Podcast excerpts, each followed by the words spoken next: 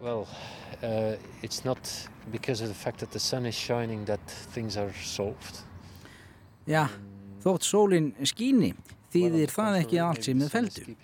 Kanski er sólinn að vilja okkur sín og halda okkur frá þeim vandamálum sem leggja undir niðri. Það er stór spurning hvað gerist næst.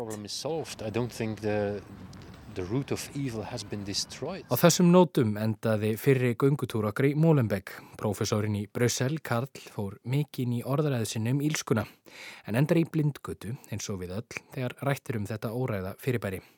Af umræðum síðasta þáttar má ráða að ílskan sé læfís og lúmsk og búi í okkur öllum, ekki aðeins morðóðum og bálreiðum jæðarsettum innflytjendum. Í þessum síðari gungutúr okkar um Molenbeek höldum við áfram að ræða um þetta gamalgróna hverfi og ílskuna sem einhverjir vilja meina að fyrirfinnist þar. Við veltum vöngum yfir hugtökum eins og sjálfsmynd, þjóðverðni og þjóðverðniskend, einangrun, fyrringu og tilgangsleitinni eilifu. Að baki ílskunni býr brotin maður og eitthvað brautan. Uh, Ég held að næsta skref felist í því að tryggja öryggi þessa lands. En það þýðir að þú þarfst að sjá hvað fór úrskiðis í aðlugunaferli innflytjanda í Belgíu. Hvað fór úrskiðis varðandi minnilhutahópa og fólk af ólíkum trúabröðum.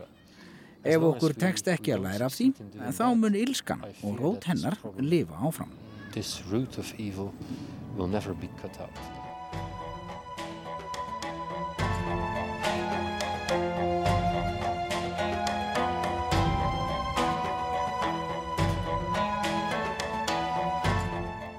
Þeir eru að hlusta á þáttinn Þræði á Rós 1. Í síðasta þætti var farið stuttlega yfir sögu Mólenbeek hverjusins í Brussel og tengsles við hriðverkasamtökin Íslamska ríkið.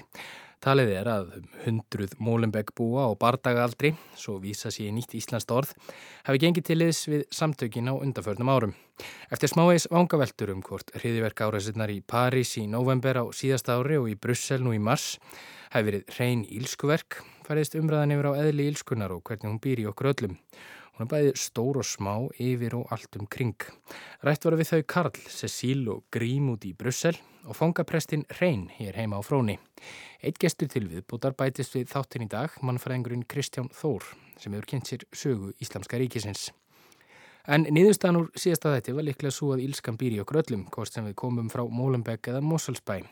En við megum þó ekki gleym okkur í endalösum vangaveltum um Ílskuna, hér erum við að tala um Molenbeek, ekki satt, og ekki heldur gleima því að þótt manneskjan sjáu kannski sjálfum að rústa bæði sjálfur í sér og öðrum býr ímisletta baki hverjum brotnum manni.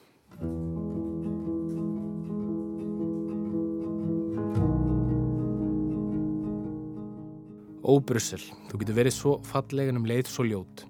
Aðeins Reykjavík er grára en þú. En rétt eins og þegar sólinn skín á Reykjavík er hverki betra að vera enn í Brussel þegar sólinn skín á þig og öll hinn hverfi, stór og smá. Yxell og Etterbeck þar sem unga efri millistéttin býr.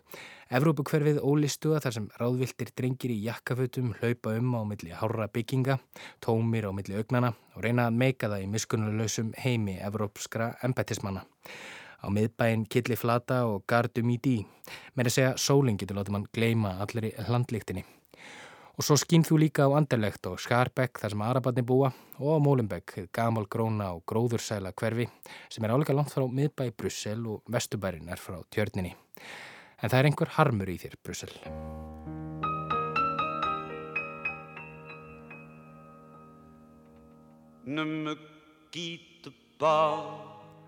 Einu sinni las ég í bladi að Helgi Björns hefði farið til Flórens til að finna sjálfan sig.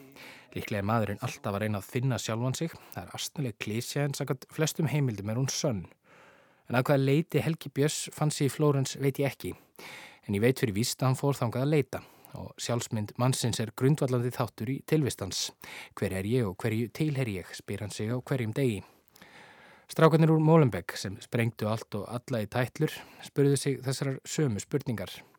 Setjumst niður á Plas Kommunal í Molenbeek með grími þar sem frávar horfið síðast grími sem er Íslendingur en samt útlendingur, aðfluttur heimamaður.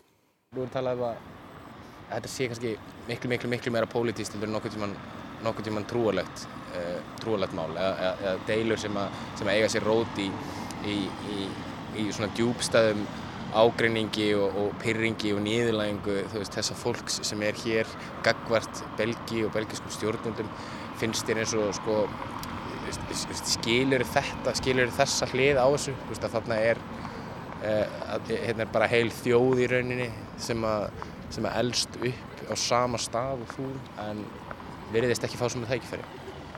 Auðvitað skil ég það, auðvitað skil ég það að það er alveg heil kynnslóð ef ekki tvær kynnslóði sem hafa fæðist hér og, og sjá sannilega hinu hliðina af, af Brussel og, og sjá fínni útkörfin og vita, vita það að, að þau eru kannski ekki velkominn þangað. Um, og maður skilur alveg pyrringin og svona óréttlætið sem fylgir því.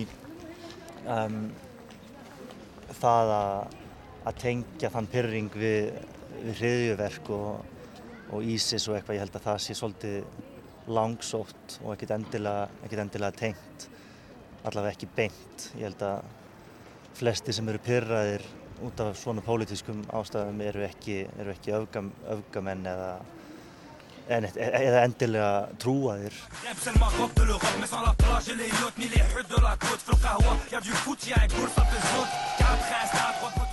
Já, en heldur ekki einmitt að, þetta getur verið átveitlega sem ítir yfir línuna að það er kannski, það er talað með margir sem mönnum svona radikaliserast í fangelsi að þeir eru þarna hugsaðir að það hef ekkert að lifa fyrir en þetta er eitthvað sem að hérna get ég látið nafn eh, mitt verða ódöðlegt Þetta hjálpa náttúrulega ekki, ekki til. Um, hvort þetta sé það sem ítir yfir línuna það veit ég ekki en þetta, þetta er vandamál og þetta er vandamál þar sem að stjórnvöld ættu að allavega geta gert eitthvað í.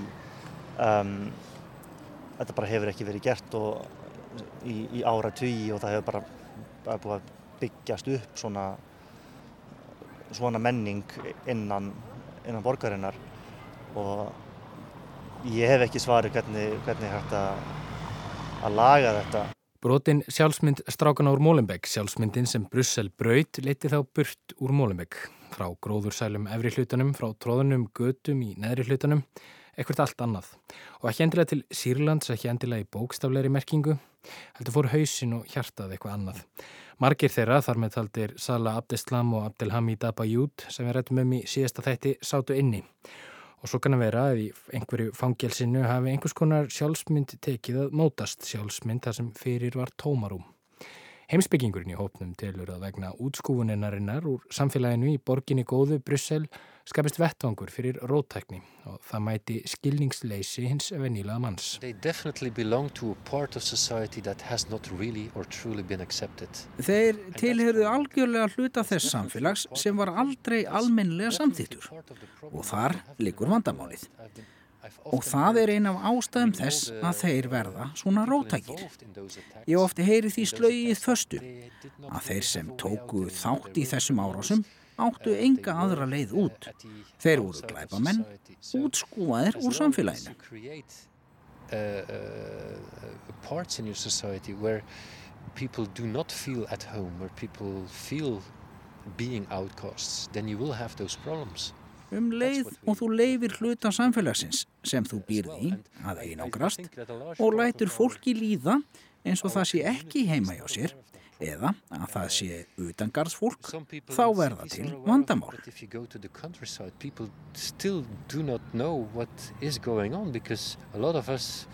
and I'm speaking about people in the countryside, I have never seen people coming from abroad, people from abroad entering their daily life situation. Er þá hægt að tala um sjálfsmyndarkreppu. Kristján Þór er doktorsnemi í mannfræði og býr í Brussel. Já, sjálfsmyndarkreppu er kannski ákveðis orð. Þeir eru svona, þeir eru svona hanga svolítið í lausu lofti millir tveggja heima, millir, millir hérna umhverfið sem eru fættir í sem að þeir marg, marg, sömur, ekki allir, en sömur ná ekki nógu góð sambandi við og, og eru uh, svona aftengtir sko hugmyndaheimi og, og menningu sko fórandra sinna og verða svona verða svona í tómarúmi og hérna það er leiðandi að þeirra svona sjálfsmyndi að sjálfum leiki að komar að kalla verður svona óljós og hérna, og hérna þeir svona verða svolítið áttaviltir. Og þegar heil borg brítur niður sjálfsmyndina hefst leita nýri. En hún er vand fundin. Definitely. But what is weird and what makes it so hard to fight? Algjörlega. En það sem er svo skrítið og það sem gerur okkur svo erfitt að berjast gegn þessu er að þessir menn eru að leita eftir sinni sjálfsmynd á sama tíma og þeir hafa sjálfur glataðinni. Þetta virðist vera aðal markmið þeirra, það sem þeir streytast við að ná, þessi sjálfsmynd, þessi hugmyndum að tilheyra einhverju.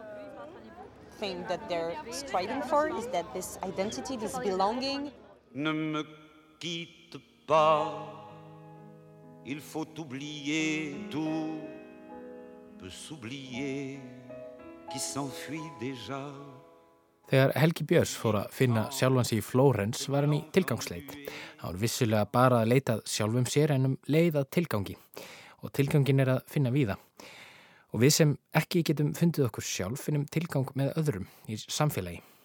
Tilgangin er þannig meðal annars að finna í sjálfstæðsfloknum, lífepúlnu eða djamminu eða bara í fjölskyldinni.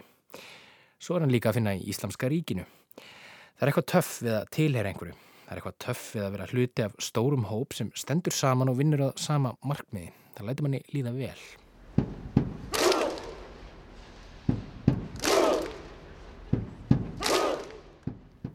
Tilgangsleitin vaknar líka hjá þeim sem voru í Brussel þegar árásunar áttur sér stað. Hún veikum mannin til umhugsunar um stöðu sína í heiminum. Definitely. If there is something that those events uh, done for me. Algjörlega. Ef það er eitthvað sem þessir atbyrðir hafa gert fyrir mig, þá hafði það látið mig hugsa meira um hlutina, látið mig leita tilgangi og nú veldi ég fyrir mér hvar tilgangin sé að finna. Of life and how it can differ from someone to... Basically we all struggle with the same things. It's only the way that it's gonna come out and the result of this that is gonna be tremendously different.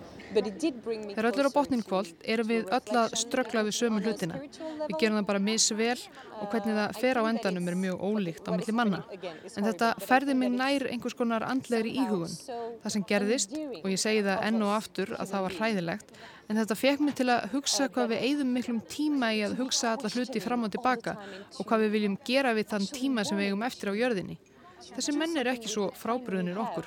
Við erum öll að leita að tilgangi.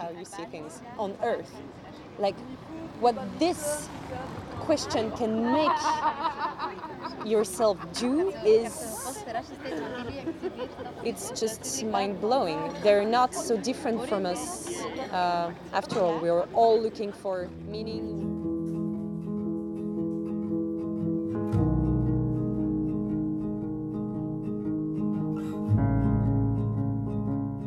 Íslamska ríkið fyrir ekki grafgötur um að það er trúar samtök eða allavega trúar eitthvað Guð er einn og hann er ofar öllu en sjálfskeipaður kalifi Íslamska ríkisins Abu Bakr al-Baghdadi er ekki viðkjöndur af muslimum á neitt nátt. Sögulega séð er kalifin veraldlegur leðtögi, ekki trúarlegur. En er þáttaka strákan ár Mólenberg þá endilega trúarlegs eðlis? Þetta, ég myndi halda það að þetta sé fyrst og, fyrst og fremst svona tilvistar, tilvistar hérna kreppa því að því að margir þessi strákar sem að fara út í þetta þeir hafa ekki uh, mjög, þeir hafa ekki bakgrunn í einhverjum trúalegum, trúalegum umhverju, þeir hafa ekki sót móskur, þetta er ofta einhverju smákreimar sem eru hérna uh, eru drekka, drekka og dopa og, og, og hérna horfa klamyndir og, og eru bara svona þannig guttar sko sem að, og eru bara svona lost í tilvörinni þannig að að hérna og eins og oft svona tíndasálir þá er þeir náttúrulega líka svona auðvitað fornalum fyrir fyrir hérna svona, hvað maður segja, svona einfaldan, einfaldar hugmyndir sem að, sem að hérna hægt er að kokka upp úr trúar hugmyndum eða upp á pólitískum hugmyndum og þannig að þetta er svona kannski blanda á sér. Og veitingastæði í Brussel finnur lífsglaður stráklingur fyrir lungun til að tilhera einhverju. Rétt eins og ég og þú.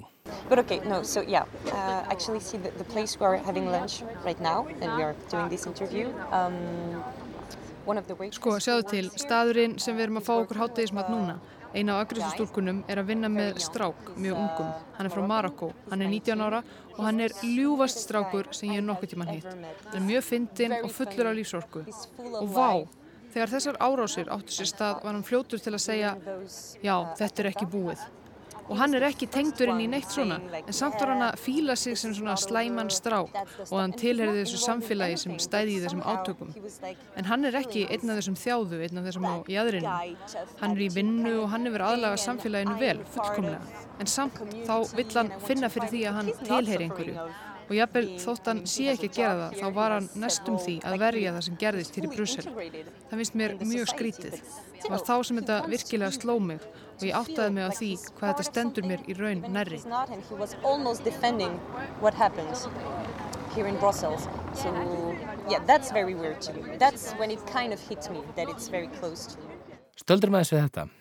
Getur verið að þörfu okkar fyrir að tilherja einhverju kalli fram einhvers konar gláðhlakkarlega tilfinningu þegar fólk deyr. Ég held að frásöksi síla af glæðlega stráklingnum sé ekki svo fráleitt. Hvort um það er þjóðverðni eða önnur hugmyndafræði sem við tengjum við. Breðum okkur aftur til Íslands inn í Grensáskirkju og heyrum hvað fangapresturinn hefur að segja.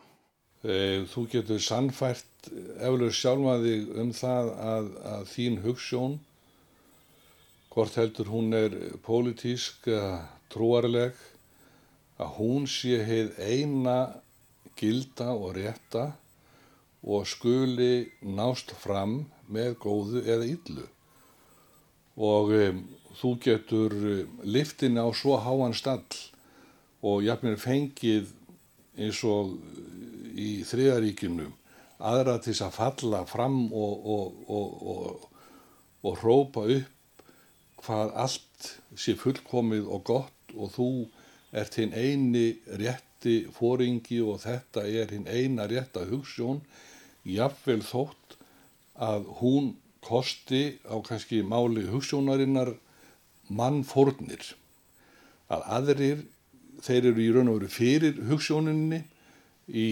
eh, dæminu af þriðaríkinu sem sé gýðingar og aðrir óæðri kynstofna voru fyrir hinnu eina rétta hinnum arianska kynstofni.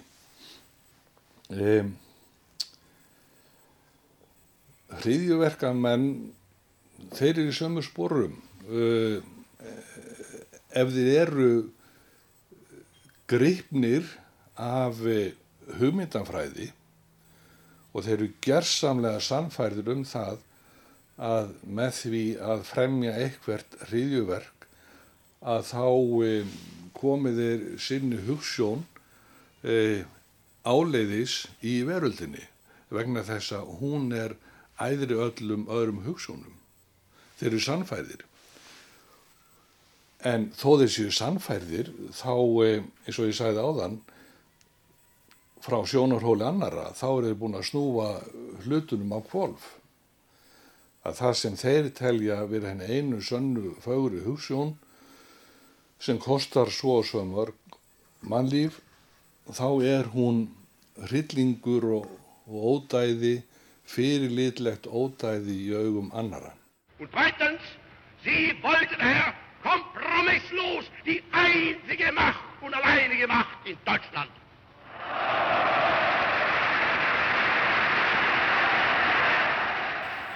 Það mætti eflaust líka orðaða þannig að um, hugmyndafræði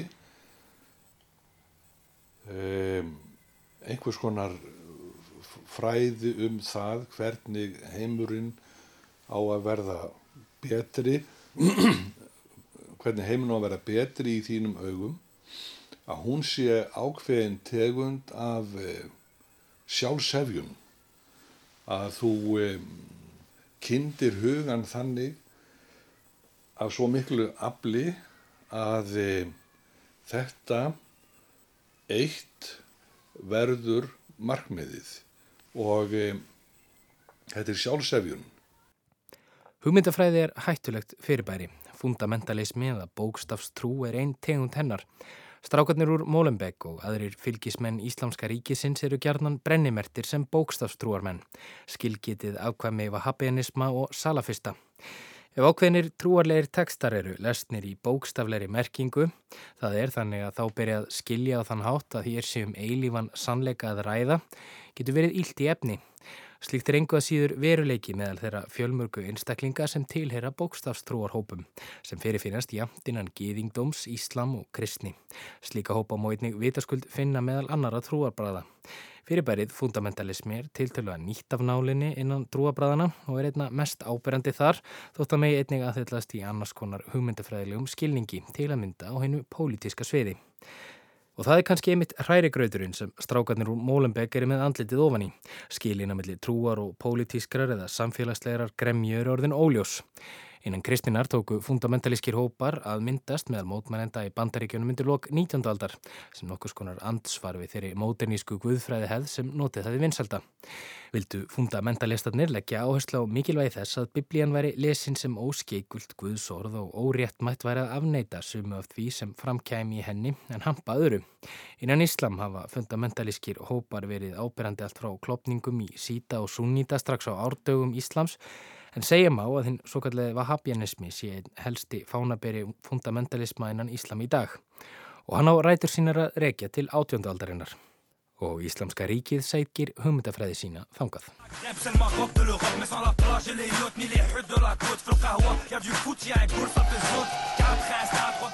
Fundamentalismin býður þannig skýr svöru við ákveðnum þáttum tilverunar, hvort sem þeir eru trúarlegir eða pólitískir. En ásteytingarsteinn fundamentalista er þó endingu alltaf sá að við afskaplega fáu í þessum heimi ef nokkru er hægt að finna skýr svör. Maðurinn hlýtur að vera frjáls til þess að hugsa, skapa sjálfan sig og mynda sér skoðun á því hvað sé satt og rétt og hvort eftir því sé eftirsoknavert að leitast. Fundamentalismi sama í hvaða mynd hann byrtist er þannig rópandi andstöðu við mennskuna, þar sem hann gengur í berhög við grundvallandi tilvistaleg stef eins og frelsi og ábyrð. Og strákarnir úr Molenbeek hengja sig á hugmyndafræði, fundamentalisma, þar sem skilin á milli trúar og samfélagslegar eða pólitískrar gremju eru óljós. Yeah, radicalization. Uh... Fundamentalismi er klárlega einn hluti slíkra rótækni. Fundamentalismin er notaður til þess að koma reglu á hlutina. En svo regla, ef þú aðhyllist hugmyndafræði Íslamska ríkisins í Sýrlandi, svo regla er byggð fyrst og fremst á trúarlegum fórsendum. En það er samt ekki hægt að tengja þetta saman órjúvanlegum böndum, trúabröðum og þeim hryllingi sem þessir menn hafa framkallað hér.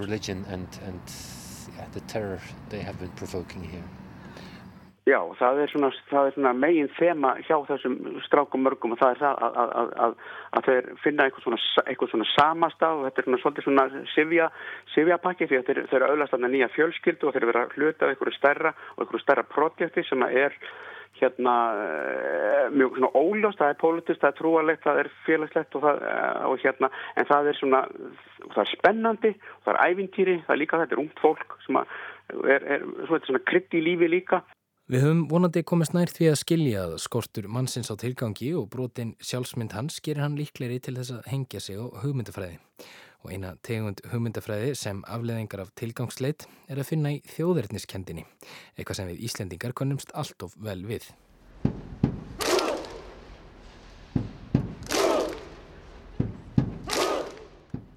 Það tekur á að vera Íslendingur. Á Íslandi átti aldrei nefnað búa og ég er vissum að ef Guð er til hristir hann ofta höfuð yfir því að það sé alvörni fólk sem hafist við þarna við nyrsta haf.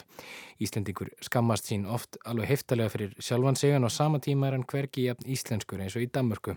Í borganessi kallar borgfyrringurinn sig meira að segja Míramann.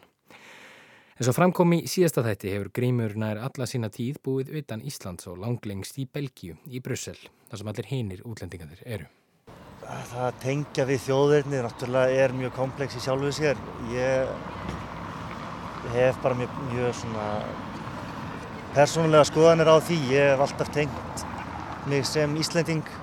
Ég hef alltaf hef, kynnt mig sem Íslending og, og þegar ég verið alast upp í útlöndum þá hef ég alltaf verið eini Íslendingurinn og það hefur sennilega bara hjálpað mér um að, við það að tengja, tengja sjálf mig við Ísland. Um, þegar ég kem heim þá líður mér eins og ég sé heima þótt að ég hef í raunin aldrei búið þarna nema, nema bara sömrin. Cecíl er líka útlendingur í Brussel en það fætt og uppalegin í París. Hún upplifir sig þó ekki sem slíka. No, I do not. I feel home. Uh, but Mér líður eins og ég sé heima hjá mér en að sjálfsögðu ef ég væri í Marokko myndi mér ábyggilega líða eins og útlendingi og það myndi taka mér langan tíma að aðlagast. Auðvitað líður mér ekki eins og útlendingi hér. Belgar tala mitt tungumál frönsku og ég er hvít kona á miðjum þrítúsaldri.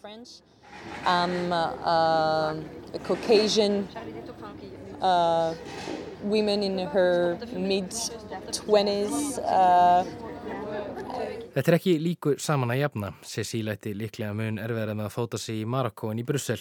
En staðrendin er svo að hún ætti líka erfiðar með að fóta sig í Molenbeek en hverfinu Saint-Gilles þar sem hún býr. Og eðlilega er að strákanir úr Molenbeek þá erfiðar með að komast út úr Molenbeek og inn í Brussel, inn í Evrópu, álfuna sem þeir þó fættust í. Í Marokko eru þeir frá Brussel, í Brussel eru þeir frá Marokko. Þjóðniskendin er engin og því letar brotin sjálfsmynd logandi ljósið að tilgangi, að hópi, að samfélagi.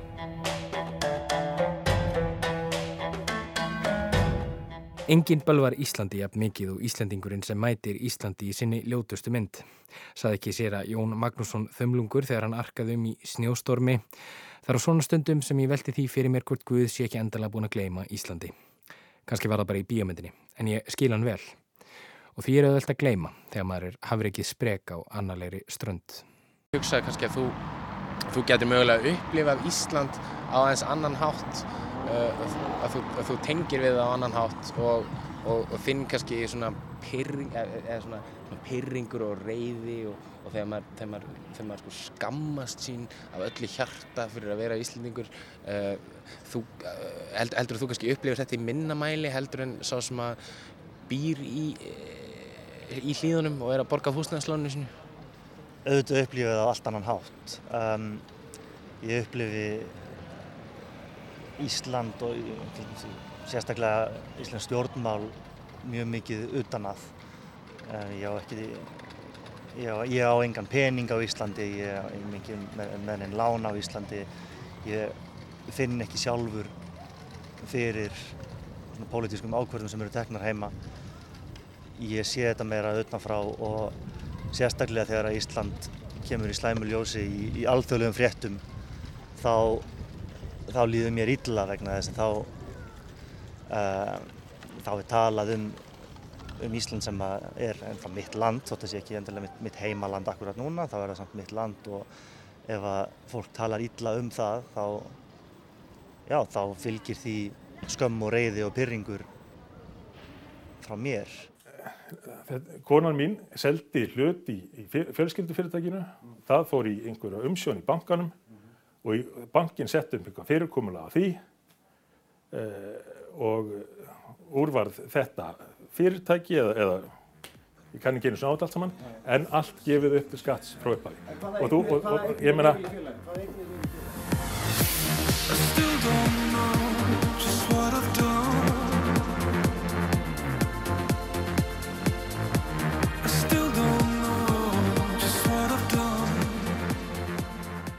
Af umræðu þessa þáttar og síðastam á ráðað lífið í Molenbeek er engin dans á rósum.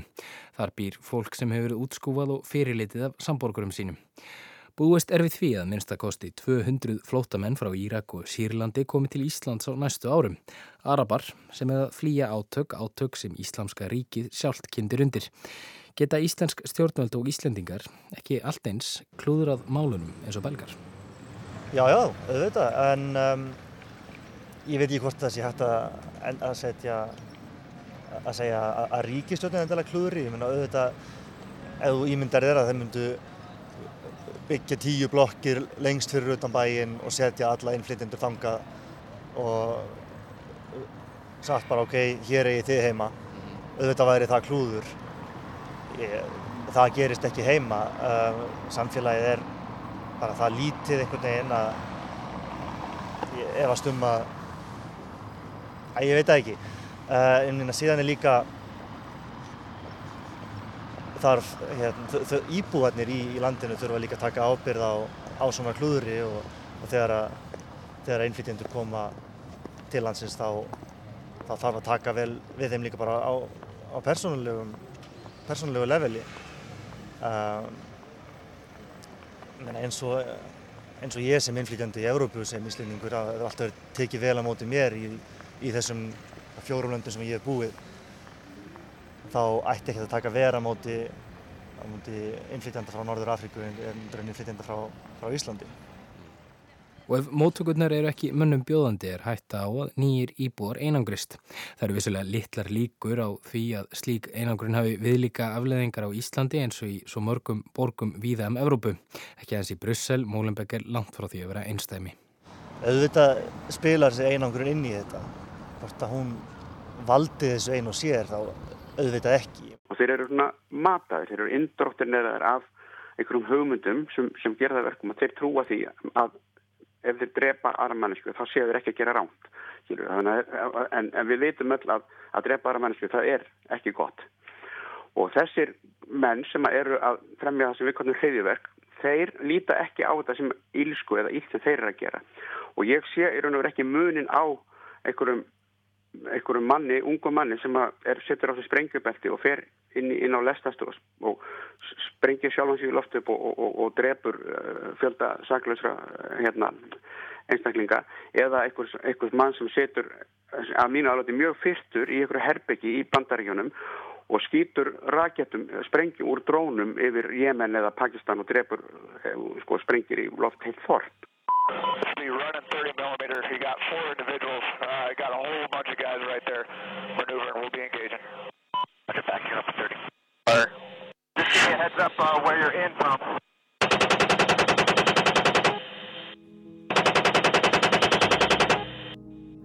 Rétt eins og rétt síni bandarækjamaðurinn telur sig verið að gera þið rétta með voðaverkum í miða austurlöndum telja strákanir úr Mólenbegg sig verið að gera þið rétta.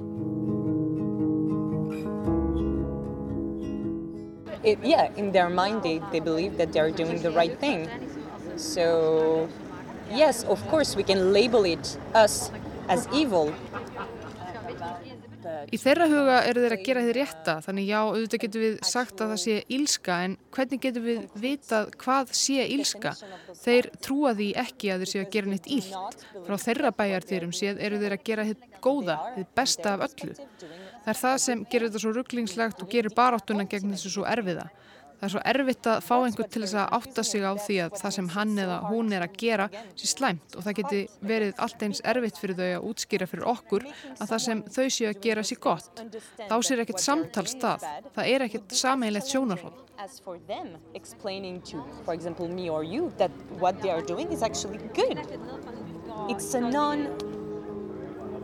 There is no discussion, there is no point of view.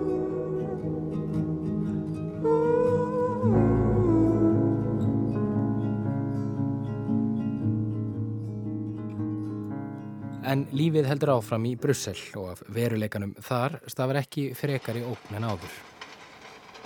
Ég finn ekki meira fyrir því núna heldur en fyrir árásunum. Ég viss alveg að þetta gæti gerst áður en árásun gerist.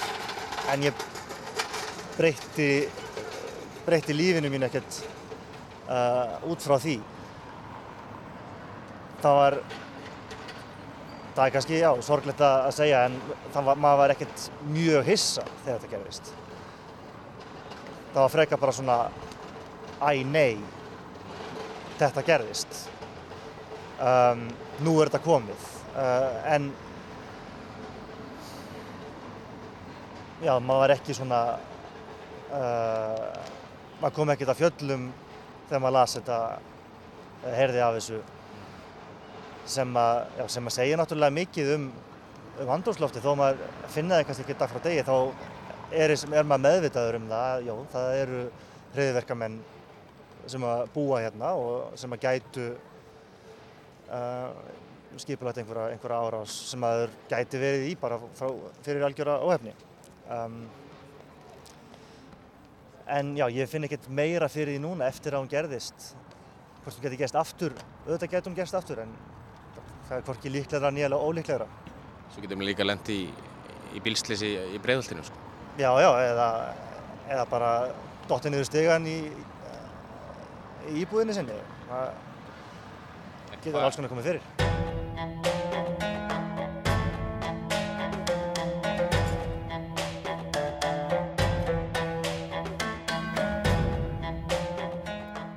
Já, Molenbeek, ég vildi að ég hefði heimsótt þig oftar, þú ert fallegt hverfi, en mér var alltaf leint eða ljóst beint eitthvað annað. Og meðan það er þannig mun ég aldrei fá að kynast þér. Ég mun aldrei fá að drekka brennivín með Abba Jút og Abdeslam, ég mun aldrei kynast þeim sem jafnaldrum mínum og nágrunum, vildi bara lesa um þá og þeirra myrkraverk í blöðunum. Að þeir séu íllmenni, einhvers konar tegund af íllmennum og séu einhvers konar, jáfnvel, táknmyndir ílskunnar, það eru þeir ekki sem eh, personur að mínum mati, sem einstaklingar að mínum mati. Það er hins vegar verkinn sem það hafa dríkt.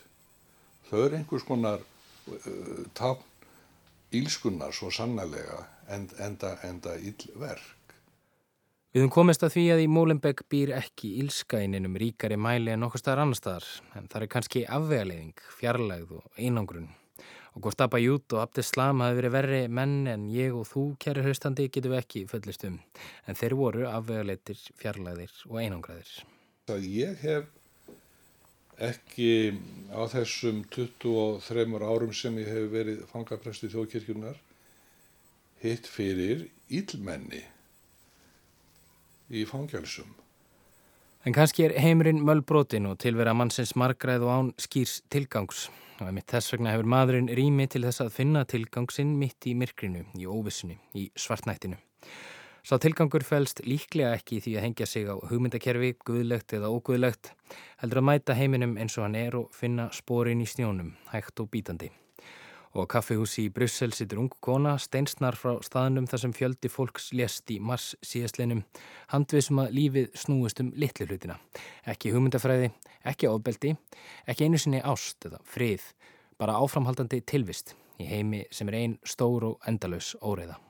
Um, now when it comes to my daily life I would say um, Ég myndi lýsa þannig augnabliki einhvern veginn svona þegar ég hitti mjög góðan vinn sest niður með honum, fæ mér fyrsta vinsópan og tek fyrsta smókin á síkaretunni. Þessi stund var kannski aðeins í tíu sekundur en á meðan er ég fyllilega til staðar. Ne me quitte pas, il faut oublier tout, peut s'oublier qui s'enfuit déjà, oublier le temps des malentendus et le temps perdu à savoir comment oublier ces heures qui tuaient parfois à coups de pourquoi le cœur du bonheur ne me quitte pas, ne me quitte pas, ne me quitte pas, ne me quitte pas moi, je t'offrirai des perles de pluie venues de pays où il ne pleut pas. Je creuserai la terre jusqu'après ma mort pour couvrir ton corps d'or et de lumière. Je ferai un domaine où l'amour sera roi, où l'amour sera loi, où tu seras reine quitte pas, ne me quitte pas, ne me quitte pas, ne me quitte pas.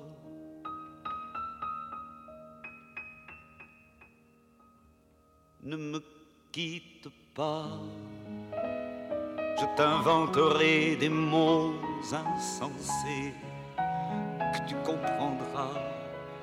Je te parlerai de ces amants-là qui ont vu deux fois leur cœur s'embraser. Je te raconterai l'histoire de ce roi mort, de n'avoir pas pu te rencontrer.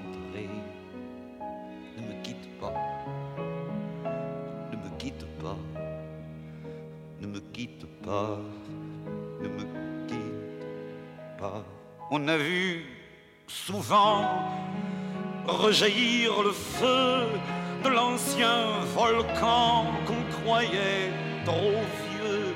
Il est paraît-il, des terres brûlées, donnant plus de blé qu'un meilleur avril.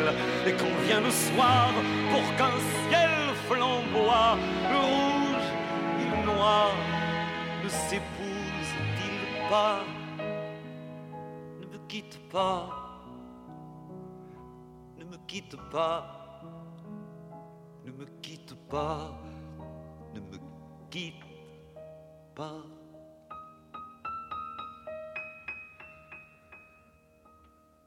Ne me quitte pas, je ne vais plus pleurer, je ne vais plus parler, je me cacherai là à te regarder, danser, sourire, à t'écouter, chanter et puis rire. Laisse-moi devenir l'ombre de ton ombre, l'ombre de ta main, l'ombre de ton chien, mais ne me quitte pas, ne me quitte pas,